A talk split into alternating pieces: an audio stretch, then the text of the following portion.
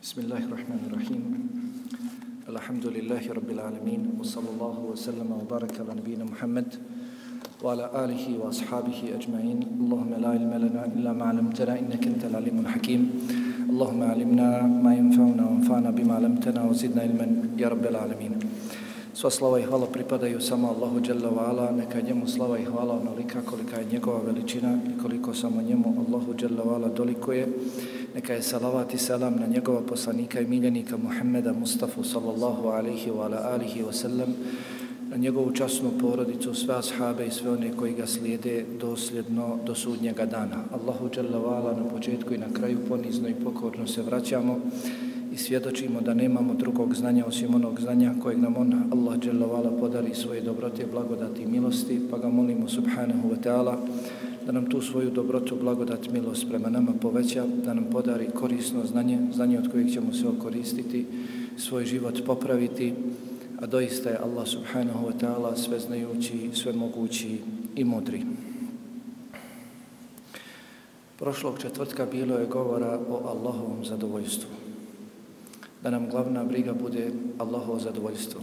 Ahiret i ono što nas čeka vjernike kod Allaha subhanahu wa ta'ala. Jedna od velikih istina koju svjedočimo, kojoj prije svega svjedoči brojni kuranski ajeti, zatim hadisi Allahovog poslanika alihi salatu wasalam, a i mi smo svjedoci tome. Svjedoci smo tome, međutim, rijetki među nas među nama su oni koji se pripremaju za nju. A to je smrt. A to je smrt. Dakle, početak našeg ahireta. To su trenuci koje ne može ni jedan od nas da izbjegne. Najbolji ljudi naprotiv kod Allaha subhanahu wa ta'ala okusili su smrt. I sve jedan od nas zasigurno će okusiti smrt. I definitivno i mi smo svjedoci toga a o tome govori i sunnet Allahovog poslanika alihi salatu sam za dunjalučke brige, za sve ono što nas nalazi na dunjaluku, zasigurno jedan od najboljih lijekova kako liječiti te brige jeste sjećanje na smrt. Kao što je rekao Allahu poslanik alaihi salatu wasalam, udkuru hadim ledat. Sjećajte se, prisjećajte se onoga što prekida sve slasti i strasti. Nikada čovjek neće u tegobi prisjetiti se smrti, a da mu ta tegoba neće postati posle lahka. I nikada čovjek se neće u blagostanju prisjetiti smrti kada se počne uzdizati sa tim blagodatima koje je imao, a da ga sjećanje na smrt neće spustiti. Dakle, zasigurno sve jedan od nas će osjetiti smrt. I sve jedan od nas treba da se priprema za smrt. Poslanici okusili su smrt i smrtne muke svih nas, kao što su i njih, bit će teške. Sjećate se i sjetite se smrti Allahovog poslanika Muhammeda sallallahu alaihi wa sallam, koji je bio najbolji Allahov rob, najbolje Allahovo stvorenje. Okusio je smrt, kao što kaže Jalla vala, inneke mejitun, va innehu mejitun. O Muhammede, ti si smrtnik, ti ćeš umrijeti i oni iza tebe će umrijeti. Kada je umirao, kvasio bi maramicu u vodu, posudu s vodom, zatim potirao svoje čelo i govorio La ilaha illallah, inna lil mauti sakirat. La ilaha illallah, doista smrt ima svoje muke. Ima svoje muke. I kako se prenosi u hadisu Sehla ibn Sada Sa'idija radijallahu ta'ala da je rekao Etani Džibril, došao mi je Džibril, rekao je poslanik sallallahu alaihi sallam, došao mi je Džibril pa mi rekao ja Muhammed išma šit, fa inneke me. O Muhammede živi koliko god hoćeš, ali znaj da ćeš umriti. Znaj da ćeš umrijeti. Wa ahbib man. I voli koga god hoćeš, znaj da ćeš se rastaviti. Fa inneke mufariqu. Rastavit ćeš se od njega. Wa amal ma. Radi što god hoćeš. Fa inneke majziyun bih. Znaj da ćeš zato biti pitan, zato ćeš biti obračunavan, nagrađivan ili kažnjavan. I mi, nakon njih, najboljih Allahovih robova, zasigurno ćemo okusiti smrt poznati su vam kuranski ajdi, tako sura Al-Anbiya i druge sure, kullu nefsim da iqatul maut. Svako živo biće će okusiti, jesti, kušati smrt. Kullu men alejha fan, sura Ar-Rahman. Sve što je na zemlji prolazno i proći će. I za ove trenutke, braćo, trebamo se pripremati. Kada nam nastupi smrt, niko od nas neće moći odgoditi. Niko od nas je neće moći odgovoriti. Sjetite se riječi učenjaka Hatima ala kada je spomenuo četiri riječi, rečenice, sve jedna u sebi nose ogromne pouke i poruke, između njih rekao je i saznao sam da će mi smrt doći iznenada. Niko od nas ne zna kada će mu smrt doći. Kaže i saznao sam da će mi smrt doći iznenada, pa sam požurio da je dočekam.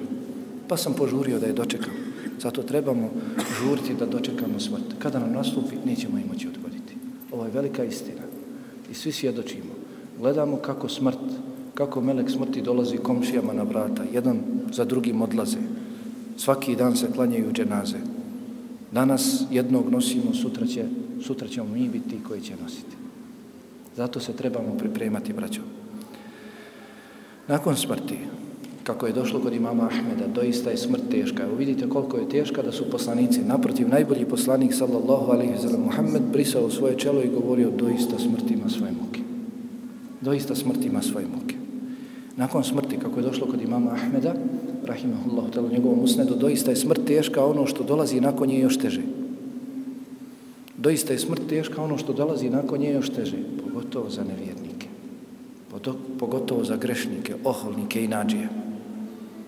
Vjernici također će biti iskušani određenim stvarima, ali za razliku od nevjernika to će za njih biti daleko, daleko podnošljivije. Pa nakon smrti, ono što će sve jedan od nas također da doživi, što ga neće nikako zaobići, jeste kabur. Jeste kabur. Da ćemo biti spušteni u kabur i da ćemo u kaburu biti podvrgnuti kaburskom ispitu. Kaburskoj kušnji. Kabur je mjesto svih nas. Ma kako bio učen ili neko bio neuk. Ma kako bio imućan ili drugi bio siromah. Bio na nekom položaju funkciji ili bio tamo neko zadnji. U kabur ćemo svi biti spušteni. U kabur ćemo svi biti spušteni u ovakvom stanju u kakvom jesmo sada, a zatim kroz par dana, samo kroz par dana počeće se naša tijela da se troše i troše i troše, izjedaju, dok na kraju ništa od njih ne ostane. Ostanu samo kosti i kosti će kasnije da istrunu. Kabur će biti sudnica u kojoj ćemo biti pitani, pa ćemo potvrđivati ono što budemo pitani i to će se također potvrditi, naše riječi će se potvrditi ili ćemo biti utjerivani u laž, da nismo znali, da nismo potvrđivali na Dunjaluku, da nismo učili. Za ove trenutke treba se također, braćo, pripremati. Kada nas puste, nema, gotovo je. Kada te hrastovina prekrije još zemlja, nema to koji se vratio. Kako kaže Allah poslanika sallallahu alihi ve sellem, ma ra'eitu menzaren qat illa wal qabru afda'u minha. Nikada na dunjalku nisam vidio nešto strašno. Nešto što me prestravilo, a da kabur nije strašniji od. Nikada nisam vidio nešto strašno na Dunjaluku, a da kabor nije strašljiviji od toga. Poznat vam je slučaj Osmana radijallahu ta'ala, trećeg halife Allahov poslanika sallallahu alaihi wa sallam. Kada bi dolazio na kabor i stojao pored kabura, plakao bi i plakao i plakao toliko da bi mu se brada nakvasila suzama. Pa oni koji su bili u njegovoj pratnji ili koji bi prolazili pored njega, kada bi ga vidjeli u takvom stanju, govorili mu šta ti osmane, kada se pri tebi spomene džennet i džehennem, ti ne plačeš. Međutim, kada dođeš do kabura, pogledaju kakvom si stanju. Pa kaže, doista sam čuo Allahovog poslanika, sallallahu alihi wasallam, da je rekao, inna qabr awwalu manazil al-akhirah. Doista je kabor prva ahiretska stanica. Ko se spasi u njoj, sve što dolazi nakon kabura je lakše. Međutim, ko se ne spasi u kaburu, sve što dolazi nakon kabura je teže za njega. Ova stanica u koju ćemo svi biti spušteni, stanica na kojoj ćemo svi izaći i odsjesti. Zato se trebamo pripremati da nam nakon te stanice bude sve lakše i lakše. A ne da nam bude ne dao Allah subhanahu wa ta'la sve teže i teže. Jednog dana ušao je čovjek, mladić, kod Omera ibn Abdelaziza, rahimehullahu teala, koji se često spominje kao peti pravedni halifa. Unuk Omera ibn Khattaba radijallahu ta'ala. I bio unuk Omera ibn Khattaba radijallahu ta'ala. Ušao je kod njega i zaprepastio se od njegovog izgleda. Kako je propao u licu od ibadeta, od isposništva, od posta i ostalo. Zaprepastio se. Omere, šta je to s tobom? Pa se Omer nasmio. Kaže da me vidiš samo tri dana nakon što me spuste u kabor. Možeš otvoriti kabor, pa da me vidiš samo tri dana nakon što me spusti. Kroz tri dana da me vidiš. Kada vidiš kako su moje oči ispala i kako curen iz moje obraze. Da vidiš kako su mi se usta otvorila i usne razvalile, razvole. Da čuješ kako se iz moga stomaka širi neugodan miris. Kako mi iz mojih nozdrva izlaze crvi i mravi, onda bi se zaprepastio više. Samo tri dana. Da me vidiš nakon što mi spuste u kabur. Zato, dakle, za ovo se trebamo pripremati.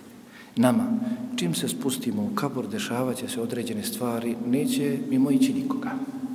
Zasigurno. Bili ste vjerovatno nekada u potpuno mračnoj sobi. Ništa se ne vidi, ništa se ne čuje. Potpuna tišina, prestravljujuća tišina. Da te neko u toj tišini zovne, ne znam ti kako, lijepim glasom ti bi se prestravio. Da ležiš u potpuno mračnoj sobi, tišina potpuna, ništa se ne čuje, što kažu ni moha, da te neko zovne, ne znam ti kako, prestravio bi se. Pa stoji u predanjima, kada budemo spušteni u kabur, i mi vjernici vjerujemo ovo, vjernici trebaju da vjeruju u gaib. Jel tako? Zar nije gaib spomenut kao prva osobina vjernika? Elif lamim, zalike el kitab, la rajbe fi, huden lil muttaqin, alladhine ju'minune bil gaib. Prva osobina vjernika koja je spomenuta u Allahove knjizi jeste oni koji vjeruju u gaib. Kažu islamski učenjaci, vjernici gledaju gaib. Kako? Kao što gledaju, gaib, kao što gledaju dunjaluk, a gaib je dakle ono sve što je sklonjeno od naših očiju, i ostalih čula, a o čemu smo obaviješteni kroz šarijatske dokaze, kroz Kur'an, kroz hadis, o tome smo obaviješteni, sklonjeno je od naših očiju, od naših ušiju, od naših ruku, ne možemo dotaknuti i slično, to je gaib. Kažu učenjaci, vjernici, istinski vjernici, oni koji su ubijeđeni, gledaju gaib svojim srcima kao što gledaju dunjaluk svojim očima. Kao što gledamo dunjaluk svojim očima i vidimo šta nam se dešava na dunjaluku svojim srcima, oni koji su ubijeđeni vjernici, gledaju ono o čemu su obavješteni od gajba. Pa ove stvari će nam se zasigurno dešavati. Spominje se kada nas naša braća, naša djeca, naši prijatelji spuste u kabur. Poduplaju i zemljom i daskama. I odu. Mi čujemo topot njihovi stopala kako odlaze. Spuštali ste vjerovatno nekoga u kabur. Vidjeli ste kako je kabur tijesan i kako je ispod onih dasaka taman, mrk. Zamisli sebe. I ovim stvarima trebamo slušati svojim srcima, ne svojim ušima. Da ćemo i ja i ti biti spušteni u takvu tamu i takvu mrklu i potpunu tišinu. Pa spominje se u predanjima kada budemo spušteni i u potpunosti zagrnuti i odu zadnji s našeg kabura, da će nam se kabur obratiti pa će nas kabur dozvati. Pa onaj koji bude vjernik, jeste, prestravit će se i on. Jer kad te iz takve tišine neko zovne, prestravit ćeš se. Međutim, vjerniku će se reći merhaben vo ehlen. Dobro nam došao. Blagoli se tebi kod nas. Dobro nam došao. Dočim nevjerniku će se reći la merhaben vo la ehlen. Nema tebi kod nas dobrodošlice, teško li se kod nas. Pa za ove trenutke trebamo se još sada pripremati, da nam se kaže merhaba, merhaba, ehlen, ehlen. A ne da nam se kaže nema tebi dobrodošlice kod nas, teško li se tebi kod nas. Bilježi Ibn Abi Šejbe u svome musannefu od Umeira Ibn Ubejda, rahimehullahu dala da je rekao, kabur će reći čovjeku, o sine Ademov, šta si pripremio za mene? Šta si pripremio za mene? Zar nisi obaviješten Zar nisi znao da sam ja kuća usamljenika, napuštenih, oni koji će biti sami, koji će biti napušteni, koji će biti ostavljeni?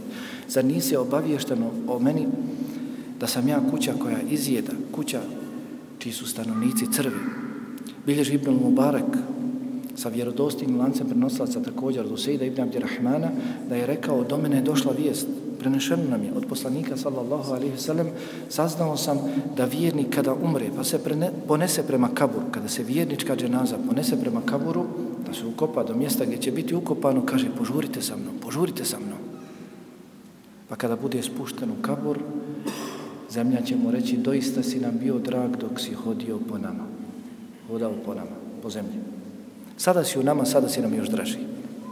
Sada si u nama, sada si nam još draži. A kada nevjernik umre, pa se ponese do mjesta gdje će biti ukopan, zna šta ga čeka? Dobrim dijelom svi ćemo mi biti na samrti obavješteni. Vidjet ćemo. Jer na različit način, u podružajem hadisu, Bara ibn Adiba, radijallahu tan se spominje kako dolaze meleki vjerniku, kako dolaze nevjerniku. Kako se uzima duša vjerniku, kako se uzima nevjerniku. I ostalo. Pa ćemo od prilike na svojoj samrti vidjeti šta nam se sprema. Pa nevjernik kada se ponese do mjesta gdje će biti ukopan, reći će ne žurite sa mnom, ne idite, vratite me, kuda idete sa mnom? Pa kada bude spušten u kabur, zemlja će mu reći bio si nam mrzak dok si hodio po nama. Bio si nam prezren dok si hodio po nama, sad se nalaziš u nama, sada si nam još gori. Sad se nalaziš u nama, sada si nam još gori. Također bilježi Ibn Mubarak od Ubejda Ibn Meira da je rekao kabur će se prvi obratiti čovjeku. Kabur će biti taj koji će prvi progovoriti. S njim će razgovarati još mnogi. Pa kabur će biti prvi koji će se obratiti čovjeku i reći teško li se tebi o sine Ademov. Zar nisi upozoren na mene? Zar nisi upozoren na moju tjeskobu? Zar nisi upozoren na moju tamu, na moje tmine, na moj smrad, neugodan miris i na moje strahote koje ćeš doživjeti u meni? Dakle, za ove trenutke trebamo se, braćo, pripremati. Zatim, inša Allahu ta'ala i kao vjernik, pa ti se kaže merhamen vo ehlen, ehlen, ehlen. Čovjek će se prepasti kada te neko dozove. Samo dok ti se te riječi kažu, iskaže ti se dobrodošlica, primijetit ćeš da se dešava nešto drugo. Šta je? Obavješteni smo o tome. Pomjeraju se zidovi kabura.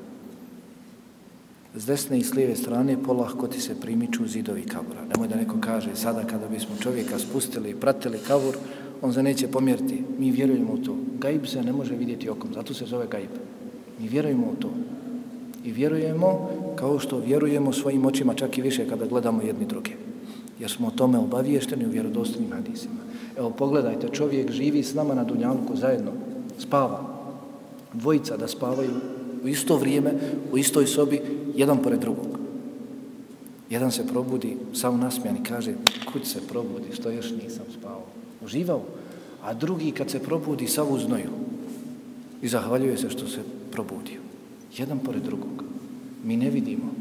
Oni su mnogo šta do, doživljavali. Čak pogledajte čovjeka na umrlu koji živi dunjalčkim još uvijek životom. Još uvijek živi. Njemu dolaze meleke. On vidi meleka smrti na, svoj, na udaljenosti svoga pogleda kako je došlo u hadisima. Kada čovjek umire, još uvijek duša mu nije izašla, vidi meleka smrti kako sjedi sa svojim pomoćnicima i polako mu prilazi. On živi još uvijek našim životom, on to vidi, mi to ne vidimo.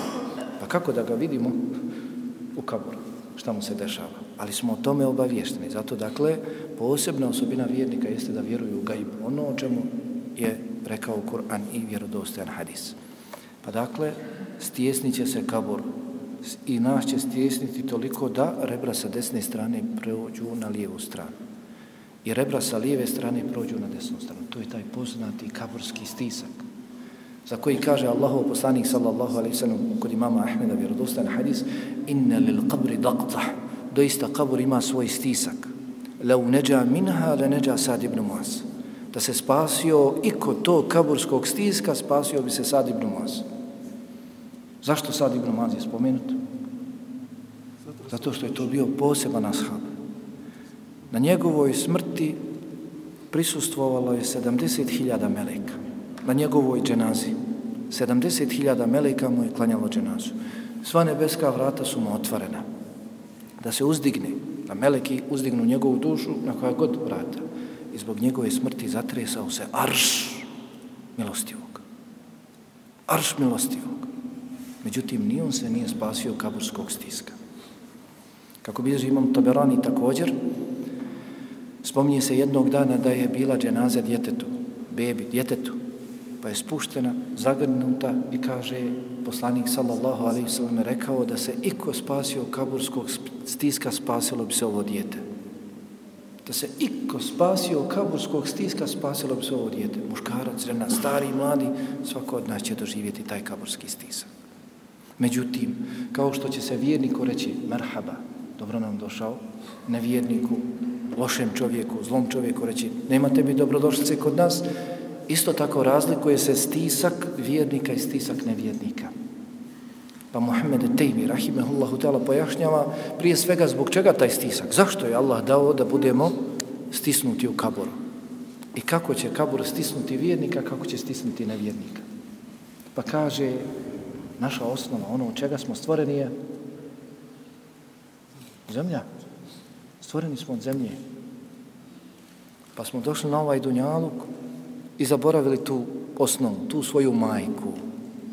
Pa kada budemo spušteni i vraćeni svojoj majci u zemlju, kao što na dunjalku kada dijete ode, ne znam, na školovanje i nema ga godine i godine, i vrati se majci, majka ga dočeka širokih, raširenih ruku, pa ga stisne, pa ga privije, pa ga stisne, jeli u svojoj grudi, u svoje naručje, stisne ga jako.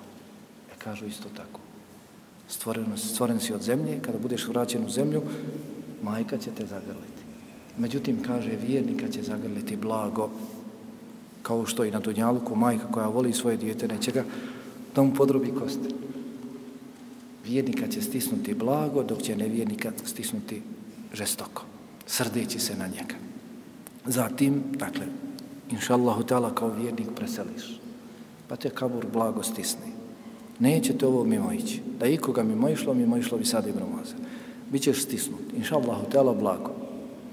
Samo što se vrati kabur, dolazi nakon toga sljedeći belaj, sljedeće iskušenje. Šta je? Vrati se u svoje normalno stanje i ti misliš laknulo je, gotovo, nema, sve prolazi, nakon toga osjetit ćeš da neko u kabru ima s tobom. Imali ste vjerovatnu priliku da se nalazite u nekoj prostoriji, ne vidite, ali osjetite da je neko s vama. Ne znam, ležite, probudite se, ne čujete nikoga, ne vidite nikoga, tamno je u sobi, ali osjetite da neko ima. Pa ćeš onda vidjeti da nekoliko očiju gleda u tebe. I to posebnih očiju. Kako je došlo u predanjima, čiji je pogled poput svjetlice, probija. Munkir i nekir. Munkir Munkiri nekir doće svima nama zbog posebne zadužbine.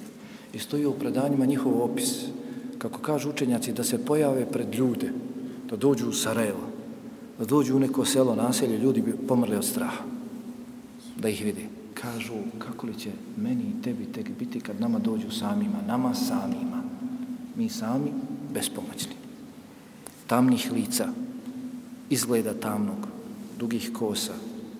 Kažu glas poput grmljavine kada grmi, a pogled poput svjetlice kada sjeva. Imaju velike zube i velike nokte. Kažu da se pojave u nekom selu, u nekom gradu, ljudi bi umrli od straha, da ih vidi. Kako li će meni tebi tek tada biti? Dolaze zbog posebnog i to je ono ako položimo taj ispit, nakon tog ispita dolazi sve bolje i bolje. Ako ne položimo taj ispit, nakon njega dolazi sve gore i gore. Međutim, braćo, ne znam, sestre, da li čuju, ovo je ispit u kojem nema popravnog. Ovo je ispit u kojem nema popravnog. Najveća želja umrlih, mrtvih, jeste samo da se vrate i da na Dunjaluku proborave kratko. Dan, dio dana, trenutak, samo da proborave. Nema. Ko umre, kao što je rekao Allah subhanahu wa ta'ala, ja sam zapisao da se oni ne vraćaju. Ja sam odredio da se oni ne vraćaju. Umrli da se ne vraćaju na dunjalog. Dolaze zbog posebnog ispita, koji se sastoji samo od tri pitanja. Kratka, jasna pitanja. Na njih se traži kratak, jasan i brz odgovor. Kako stoji u hadisu Bera ibn Adima, radijallahu ta'ala dolaze i pitaće sve jednog od nas, ko ti je gospodar? Koja ti je vjera i ko ti je poslanik? Ko ti je gospodar? Koja ti je vjera i ko ti je poslanik? Jasna pitanja. I kratka. Još kraći odgovor. Allah, Islam i Muhammed sallallahu alaihi sallam. Ili moj gospodar je Allah, moja vjera je Islam i moj poslanik je Muhammed sallallahu alaihi sallam. To su potrebni odgovori. Nemojmo se zavaravati da će nam biti ovako lahko odgovor.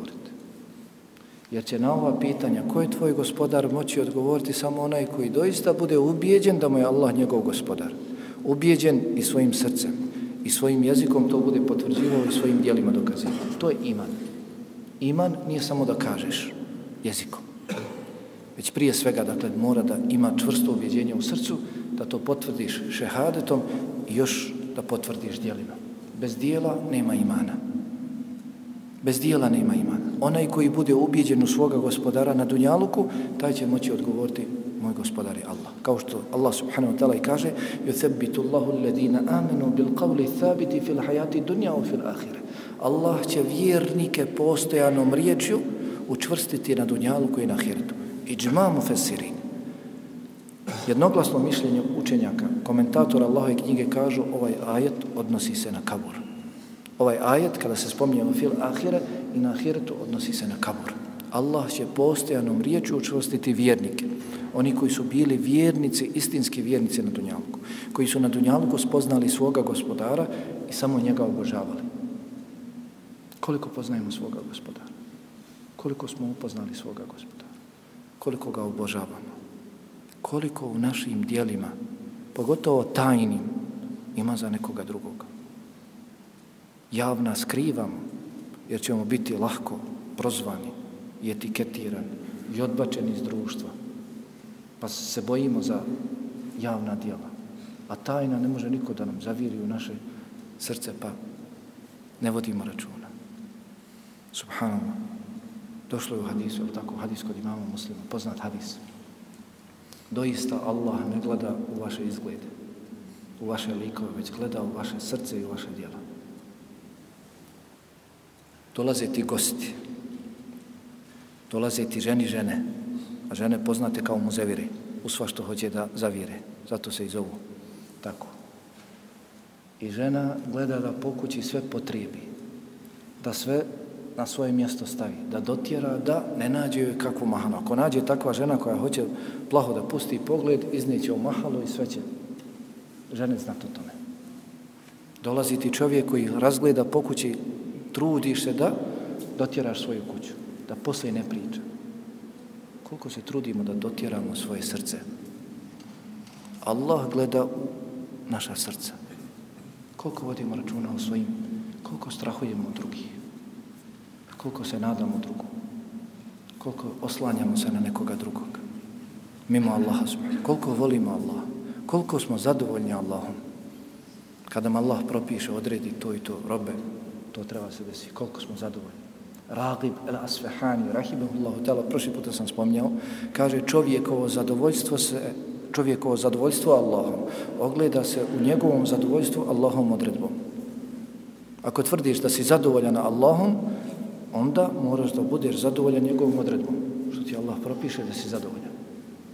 Allahovo zadovoljstvo čovjekom, svojim robom, ogleda se u tome da ga nađe u naredbama koje mu je naredio.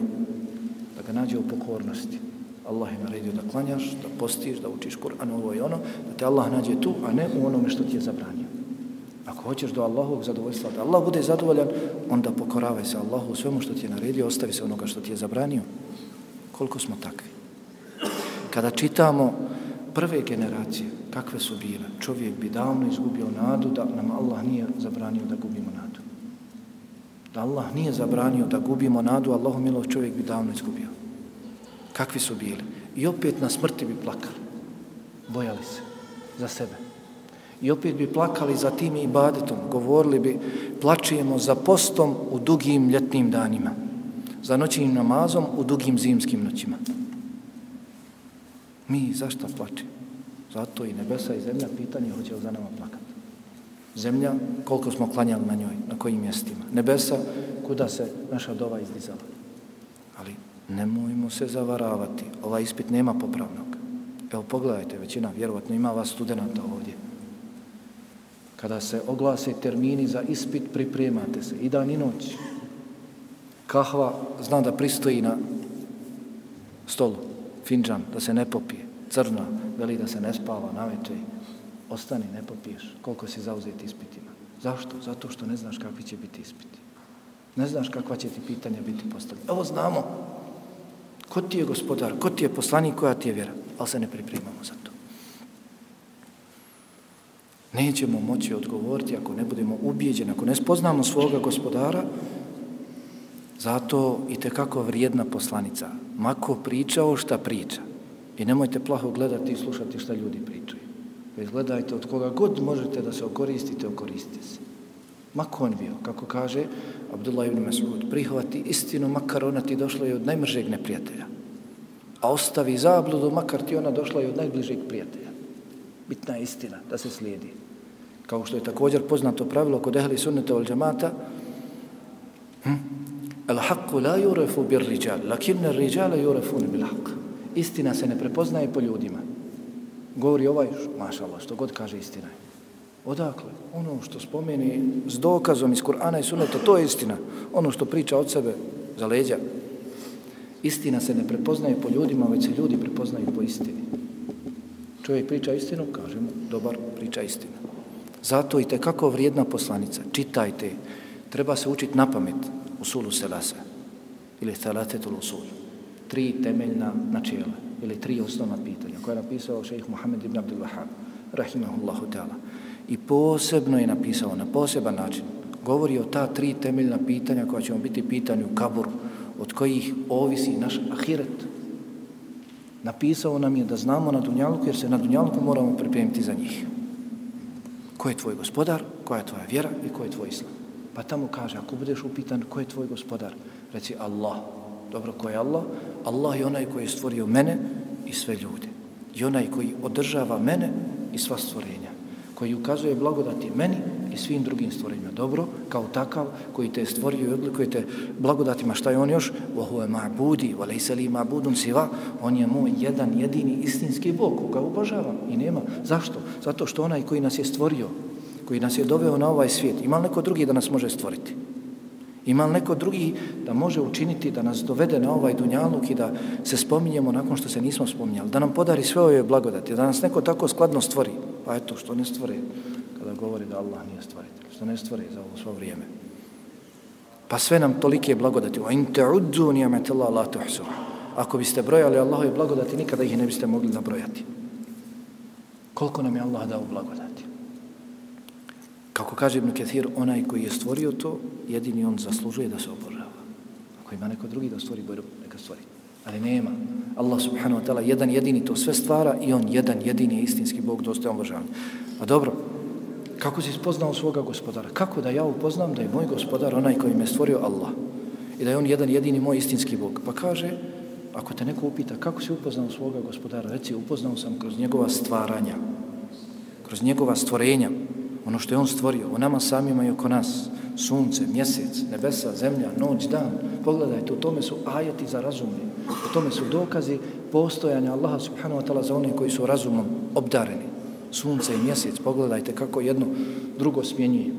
Noć, dan, kako jedno drugo smjenjuje. Ne mogu jedno, kao što stoji u suri Jeli Jasin, ne može noć preteći dan, niti dan preteći noć, već oni u svemiru plove, sunce, mjesec, nebesa, zemlja, Ko nam je tako zemlju učinio pogodnom za stanovanje, za hodanje? Nebesa iznad nas izvi, visoko digao. Ima li gdje stubova da vidimo te stubove? Da neko sagradi nam te stubove. Allah subhanahu wa ta'ala sve to održava. On jedini. Također, kroz šta upoznajemo svoga gospodara? Kroz njegove riječi, kroz njegovu knjigu. Trećina Kur'ana govori o Allahu čitajmo Kur'an pa ćemo spoznati svoga gospodara. Dobro, samo to kažeš, tvoj gospodar je Allah, on je tvoj jedan jedini istinski Bog, spoznao si ga tako i tu se završava. Ne, već dalje kaže, čini mu ibadet, samo njemu, ali ja dakle i dijelima dokazati, ne samo jezikom priznat, već i dijelima, samo njemu činim dovu, samo njemu pućujem dovu, samo od njega strahujem, samo se njemu nadam, samo se na njega oslanjam, samo njemu prinosim žrtve. Kul inna salati wa nusuki wa mahyaya wa mamati lillahi rabbil alamin. Reci i moj namaz i svi moji ibadeti i moj život i moja smrt posvećeni su samo Allahu jer je jedini on dostojan toga. Dakle, moramo upoznati svoga gospodara. Prošli puta sam govorio I nekoliko navrata govorim da nam neko sada uđe i kaže momci samo pet minuta o Allahu mi pričajte. Ko je tvoj gospodar? Kome padaš na seždu? Rijetki su od nas oni koji bi to mogli. Samo pet minuta. Halo, da ti se kosa na glavi digne. Ne znaš svoga gospodara, kome padaš na seždu? E, zbog toga je naša vjera ovakva. Jedan korak naprijed, 20 nazad. Jedan korak naprijed, 20 nazad. Zato vidimo među muslimanima ovako stanje što se tiče vjere. Ne znaju svoga gospodara. A niko nije upoznao gospodara da ga nije zavolio. Ako zavoli Allaha, zasigurno sve će dati za njega. Sigurno će ga obožavati. Što god mu Allah naredi, zna da mu je naredio to radi njegove koristi. Allahu dželle ništa nije potrebno. Sve što je propisao od naredbi, od dobroga i sve što je zabranio od zla, sve je to radi naše koristi.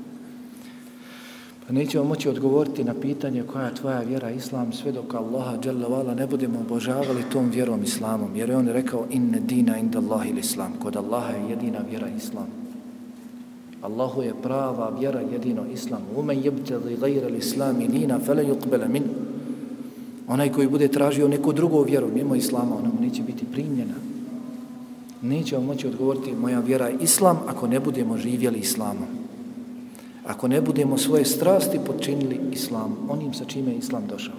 A ne od islama uzimali ono što odgovara našim prohtjevima. Ti ne slidiš islam, ti slidiš svoje prohtjeve. Ti nisi musliman. Musliman je ko? Onaj esleme juslimu u arapskom jeziku. U arapskom jeziku, dakle, kada se tamo spominje jezičko značenje, lingvističko značenje riječi esleme juslimu, islamen vo muslimen, znači onaj koji je predan, pokoran, neko uzme pušku u tebe i kaže tako i tako, ti se predaš i što god zatraži od tebe, jeste, ja ću raditi. Ako hoću da živim, ako hoću da ustanemo, ostanemo životu, što god mi kaže. Ako hoćeš da imanski živiš, da islamski živiš, onda što god ti Allah naredi, ako hoćeš da budeš musliman, onda moraš da se predaš tome. I nećemo moći odgovoriti da je naš poslanik Muhammed sallallahu alaihi wa sallam, osim ako ga ne budemo slijedili na dunjavku. Danas se ljudi smijavaju na pojedinim mjestima, čak i u Bosni, kada čovjeka spuštaju u kabur, na papiru napišu, ako te upitaju ko je tvoj gospodar, reci Allah. Ako te upitaju koja je tvara vjera, reci Islam. Ko je tvoj poslanik, reci Muhammed. Smijavaju se. Neće moći pročitati. Zasigurno. Odgovorit će samo onaj koji bude ubijeđen. Spominje se u podužem hadisu kada je poslanik sallallahu alaihi sallam pričao o ovome ispitu Omeru. Pa upitao kako li će Omere biti tvoje stanje kada te upitaju. Kaže Omer, ću ja biti ove pameti? koje sam sada? Kaže, hoću. Kaže, pitaću ja njih, znate li vi ko je vaš gospodar? Omer dobro zna ko je njegov gospodar. Ali to je bio Omer. To je bio Omer. Kada čitate o njegovom životu, razum vam zastaje. Kakav je bio? Omer radijallahu ta'ala. Nećemo zasigurno, braćo, moći od, odgovoriti na pitanje ko je vaš poslanik ako ga ne budemo slijedili. Ako on jedini bude, dakle, naš imam, vođa, onaj koga slijedim, ostavim sve druge. Sve druge slijedim samo ukoliko oni slijede poslanika Muhammeda sallallahu alaihi Ukoliko se oni razlikuju, čuvam vašu čast, uvažavam vas, ali ne slijedim vas poštojem, neću kaljati vašu čast, neću o vama pričati, ali onaj koji ne slijedi Muhammeda sallallahu alaihi sallam, i on se ne slijedi. I on se ne slijedi. Ka inan men kan, bio ko bio. Sva četverica imama su govorili, moj mezheb je, moj mezheb je hadis. قال أبو حنيفة الإمام لا ينبغي لمن له الإسلام أخذا بأقوال حتى تعرض على الحديث والكتاب المرتدى Imam Ebu Hanife, rahimahullahu ta'ala, je rekao, ne priliči ni jednom muslimanu da se prihvati mojih riječi, ono što ja kažem, mojih stavova, mojih mišljenja, sve dok moje stavove mišljenja ne uporedi sa kitabom i sa hadisom s kojima je Allah jedino zadovoljan. Rekao Imam Ebu Hanife, ومالك إمام دار الهجرة قال وقد أشار نحو الهجرة كل كلام منه ذو القبول ومنه مردود سوى الرسول Imam Malik pokazujući u pravcu kabura Allahovog poslanika alihi sallam dok je sjedio u mesčidu poslanika sallallahu sallam Imam Malik je bio u Medini tako i Pokazujući prema kaburu Allahovog poslanika alihi sallam kaže od svakog čovjeka se uzima i odbacuje. Od vjere. Uzima, potvrđuje i odbacuje. Osim od stanovnika onog kabura. Od njega se sve uzimalo. Od nas vas petog, desetog uzima se odbacuje uzima se ono što je u skladu sa kitabom i sa sunetom što nije? Uz dužno poštovanje ostavlja se. وشافعي قال إن رأيتم قولي مخالفا لما رويتم من الحديث فاضربوا الجدار بقولي المخالف الأخبار Imam Šafija kaže učenjacima hadisa, koji pišu hadise, ukoliko vidite da ono što ja kažem, moje riječi, moji stavovi, moja mišljenja, razilaze se s onim što vi pišete od hadisa, ja kažem jedno, a vi ste zapisali hadis od poslanika, sallallahu alaihi sallam, drugačije, onda moje riječi odzite. Imam Šafija je to rekao. A za imama Šafija je rečeno, imam Šafija je u ovom umetu što je sunce za ovaj dunjavog. Imam Šafija kaže, vidite da se moje riječi razilaze sa hadisom koji pišete hadis. Moje riječi odzite. Hadisa se prihvatite. Wa Ahmedu kale lehum la tektubu, ma kultu bel aslu dalike tlubu. Imam Ahmed kaže e, učenicima svojim, nemojte pisati od mene, već se vratite i uzmite odakle sam ja uzeo. Uzmite hadise. Prihvatite se hadisa. Zato, dakle, moći ćemo odgovoriti moj poslanik je Muhammed sallallahu alaihi ve sellem samo ako ga budemo slijedili. Ono što je prenešeno od njega, od njegovih riječi, da nam je uporučio, ili od njegovih dijela. Zbog čega je došao u braću? Zbog čega ga je Allah poslao, odabrao? Također čitajte ovu poslanicu kada govori o Muhammedu sallallahu alaihi sallam. koji je tvoj poslanik? Prelijepo govori. I odabrao je šeheh Muhammed ibn Abdul Wahab rahimahullahu ta'ala ono pored čega čovjek neće ostati ravnodušan. Odmah će zavoljeti poslanika Muhammeda. Allahov poslanik sallallahu alaihi sallam je najboljeg roda. Je tako? Porijekla. Najboljeg porijekla. Rođen u najbolj, najboljem mjestu, centru svijeta. Pogledajte koliko mu je Kabul Allah dželavala dao. Koliko je njegovog ummeta. Zar nisu došli brojni hadisi u kojima se spominje da je dvije trećine dženneta za umet Muhammeda alihi salatu wasalam. Jedne prilike kažu, sjedli smo u mesčidu s poslanikom sallallahu alaihi sallam, pa, pa je nam je rekao, jeste li zadovoljni da vam pripada jedna trećina dženneta? Pa kaže, rekli smo, Allahu akbar, la ilaha illallah. Počeli smo tekbiramo. Kaže, jeste li zadovoljni da vam polovina dženneta pripadne? Polovina dženneta, da vi budete stanovnici.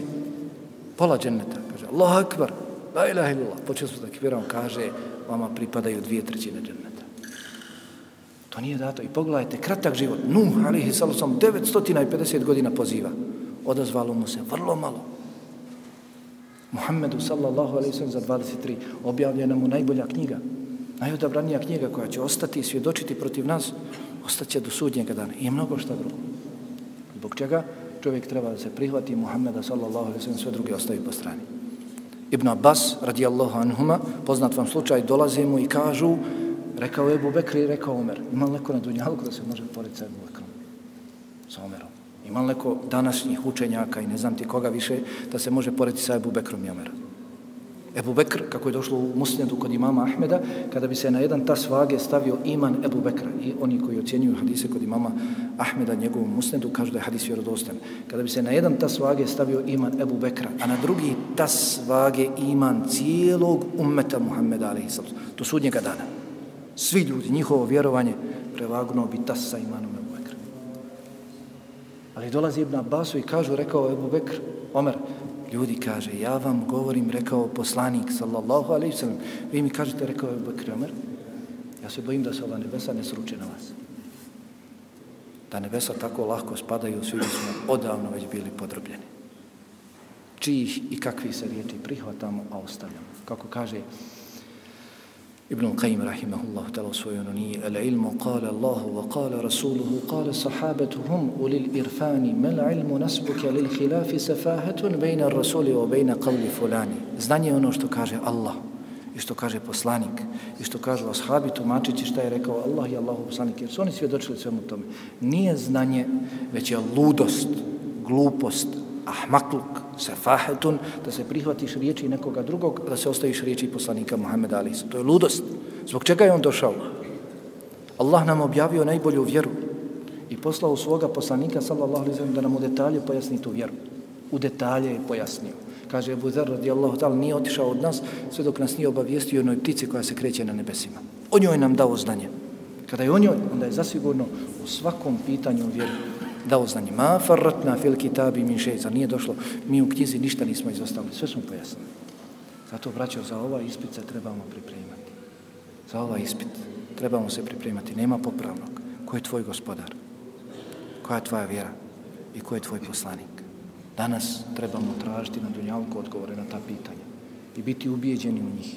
Sve svoje dati, žrtvovati, da budemo ubijeđeni u ova pitanja, da dokazujemo i svojim srcem, i svojim jezikom, i svojim dijelima. Nakon toga, onaj koji odgovori uspješno, otvorit će mu se s jedne strane kabur i pokazati mjesto u džehennemu, u vatri. I reći će mu se, ovo je bilo mjesto koje te čekalo da si bio nepokoran Allahu. Ovo je bilo mjesto pripremljeno za tebe. Pa će se nad, s druge strane otvoriti i reći, ovo je sada tvoje mjesto koje te čeka. Zato će nakon tada, kada vidi svoje mjesto vjerniku u džennetu, reći, gospodaru, požuri sa sudnjim danom. Požuri da nastupi sudnji dan. Jer je vidio svoje mjesto koji ga čeka i kojeg se spasio. Dočim onaj koji ne odgovori na ova pitanja. Ko je tvoj gospodar? Koja je tvoja vjera? Ko je tvoj poslanik? Pokazat će mu se s jedne strane kavura mjesto u džennetu. Pa će mu se reći, ovo te mjesto čekamo. Ovo te mjesto čekalo da si bio pokoran.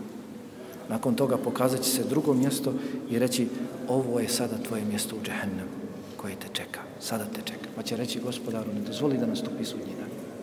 Nakon toga, vjerniku i nevjerniku, dobrom i lošem, dolazi sudrug, prijatelj koji ostaje s njim do sudnjega dana. Ostaje s njim do sudnjega dana u kaburu. A to je njegovo djelo. Dobro ili loše. Allah subhanahu wa ta'ala će i dobro i loše djelo ličiti, dati u liku čovjeka da dođe sahibi svome, da dođe u kabur. Dobro djelo u liku lijepog čovjeka, bijelog lica, bijele odjeće, namirisan. Loše dijelo, grije, doće dakle u liku tamnog čovjeka, mrklog lica, neugodnog mirisa, zaudara na sve strane. Možda ste nekada na Dunjavku susreli se s čovjekom, ha, koji zaudara? Iz njega bazdi. Pa minut, dva ili nekoliko minuta bile su vam ko godine. Bile su vam ko godine. Samo ste se osvrtali, hoće li neko doći da vas priželjkivali da vas neko odvoji od njega. Onaj koji bude nevjernik, koji bude grešnik, doći će mu njegov grijeh u liku takvog čovjeka koji za udara smrdi. Možete misliti, to nije, dakle, nije minuta ili dvije, bez do sudnjega dana. S njim će boraviti.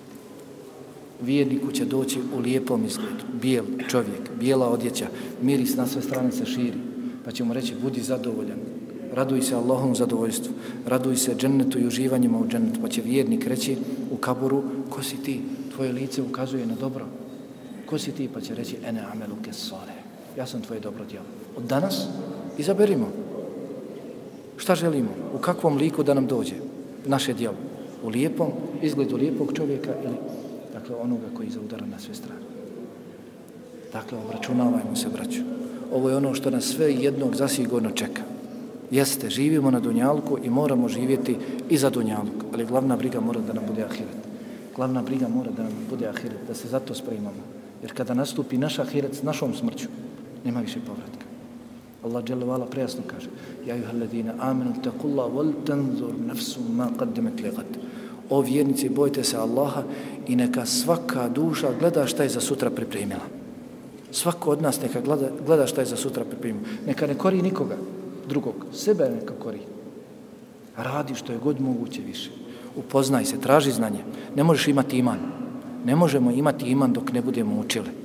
Kako je rekao Imam Buhari, kad ja prođem, kako je rekao Imam Buhari, rahimahullahu ta'ala, el ilmu qabla al qawli wal amali. Znanje dolazi prije riječi i dijela. Ne možeš pričat, ne možeš radit dok ne naučiš. Iman se ne može imati dok se ne nauči. Mora se učiti.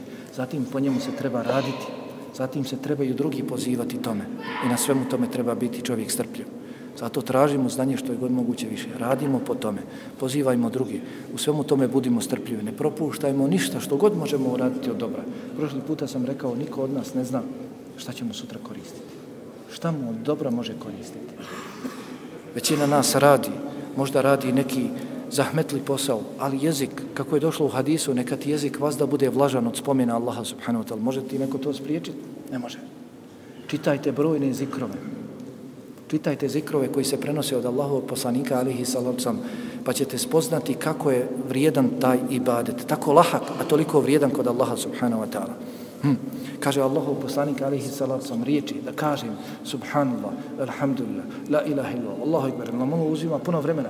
Kaže draže mi od svega onoga što sunce obasija. Subhanallah, alhamdulillah, la ilaha illallah, Allahu ekber. Draže mi od svega onoga što sunce obasija. Kod Buhari kod muslima kaže Allahu najdraži govor nakon Kur'ana, a ove riječi su iz Kur'ana, subhanallah, alhamdulillah, la ilaha, Allahu ekber. Zašto su Allahu najdraži? Zašto su poslaniku, sallallahu alaihi sallam, bile najdraži? Hm. Jednog dana dolazi pa trese drvo poslanik, sallallahu alaihi sallam, pa ne spada ništa s njega. Dru, drugi puta trese ništa. Treći puta, nakon nekoliko puta protresao spada lisje. Kaže, da kažete subhanallah, alhamdulillah, la ilaha illallah, Allahu ekber. Svaka od ovih riječi briše grijehe kao što spadaju kao što spada lišće svog stabla. Kao što spada lišće. Također, spominje se u hadisu da je Ebu Hurera radijallahu tam sadio sadnicu. Poslanik sam prolazi pred njega. Kaže, Ebu Hurere, šta to radiš kada je sadim? Kaže, hoćeš da ti ukažem na bolje sadnice. Da kaže, subhanallah, alhamdulillah, la ilaha illallah, Allahu akbar, sa svakom od njih ovim riječima saditi se palma u džennetu dođu ti, djeca kažu, Efendija, brate, hođa, kako te već zovu, kažu, ja zasadio 500 sadnica. A našoj braći moraš govoriti i govoriti da oni počnu subhanallah, Allah, Allah, subhanallah, Allah, Kaže, kaže čovjek subhanallah, kaže Allah sadakt, istinu si rekao. Subhanallah se prevodi, kod nas često se prevodi, Allah je slavljen, to je manjkav prijevod. Kad se kaže subhanallah, to znači Allah je daleko od svake manjkavosti. Allah je potpuno daleko od svake manjkavosti tesbih, to je tesbih. Kada Allahu subhanahu wa ta'ala negira svaku manjkavost koju mu ljudi pripisuju. Kad kaže rob, alhamdulillah, kaže Allah, sadakt, istinu si rekao. Sva hvala pripada samo Allah. Istinu si rekao. Kad kaže čovjek, la ilaha illallah, nema istinskog Boga osim Allah, kaže Allah, sadakt, istinu si rekao. Kad čovjek kaže, Allahu akbar, Allah je najveći. Od svega, najveći. Kaže Allah, istinu si rekao. Stoji u hadisu, ako čovjek nakon toga kaže, Allahumma gfirli, Allahumma oprosti mi, kaže Allah, to ću ju raditi. Ako kaže Allahumma arhamni, Allahumma moj smiluj mi se, kaže Allah, to ću ju raditi. Kad fa'alt, to sam uradio.